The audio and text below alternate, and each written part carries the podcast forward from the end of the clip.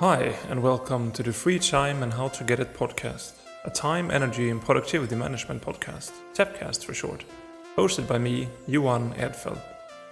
The goal of every episode is to provide you with something useful to increase your time, energy, and productivity management skills, and hopefully give you a more fulfilled life. This podcast is about a tool called Keep, Change, Start, Stop.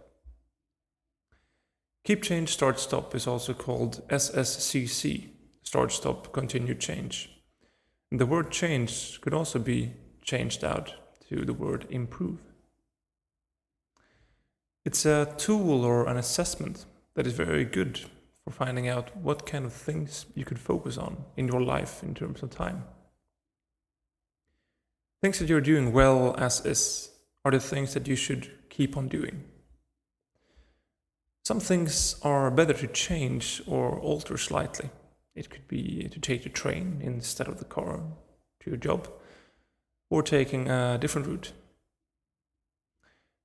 Starting activities could be that you should start talking more or less with your colleagues in order to strengthen your network and stop are the things you should be stopping, such as complaining about how much you hate your job instead of changing it.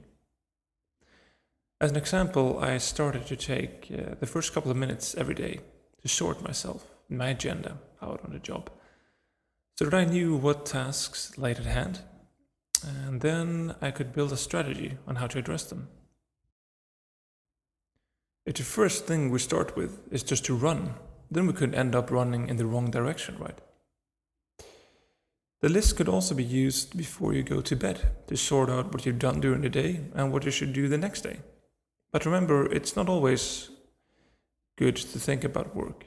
Instead, use the list in the evenings for yourself and your development outside work.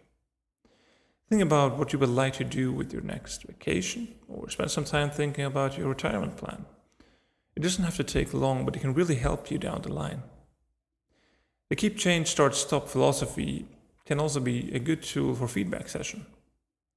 Let's say you're working in a team at your job. At some point during the project, it could be nice with some feedback to further develop yourself and also give some feedback to your colleagues in order for them to perform at a higher tier.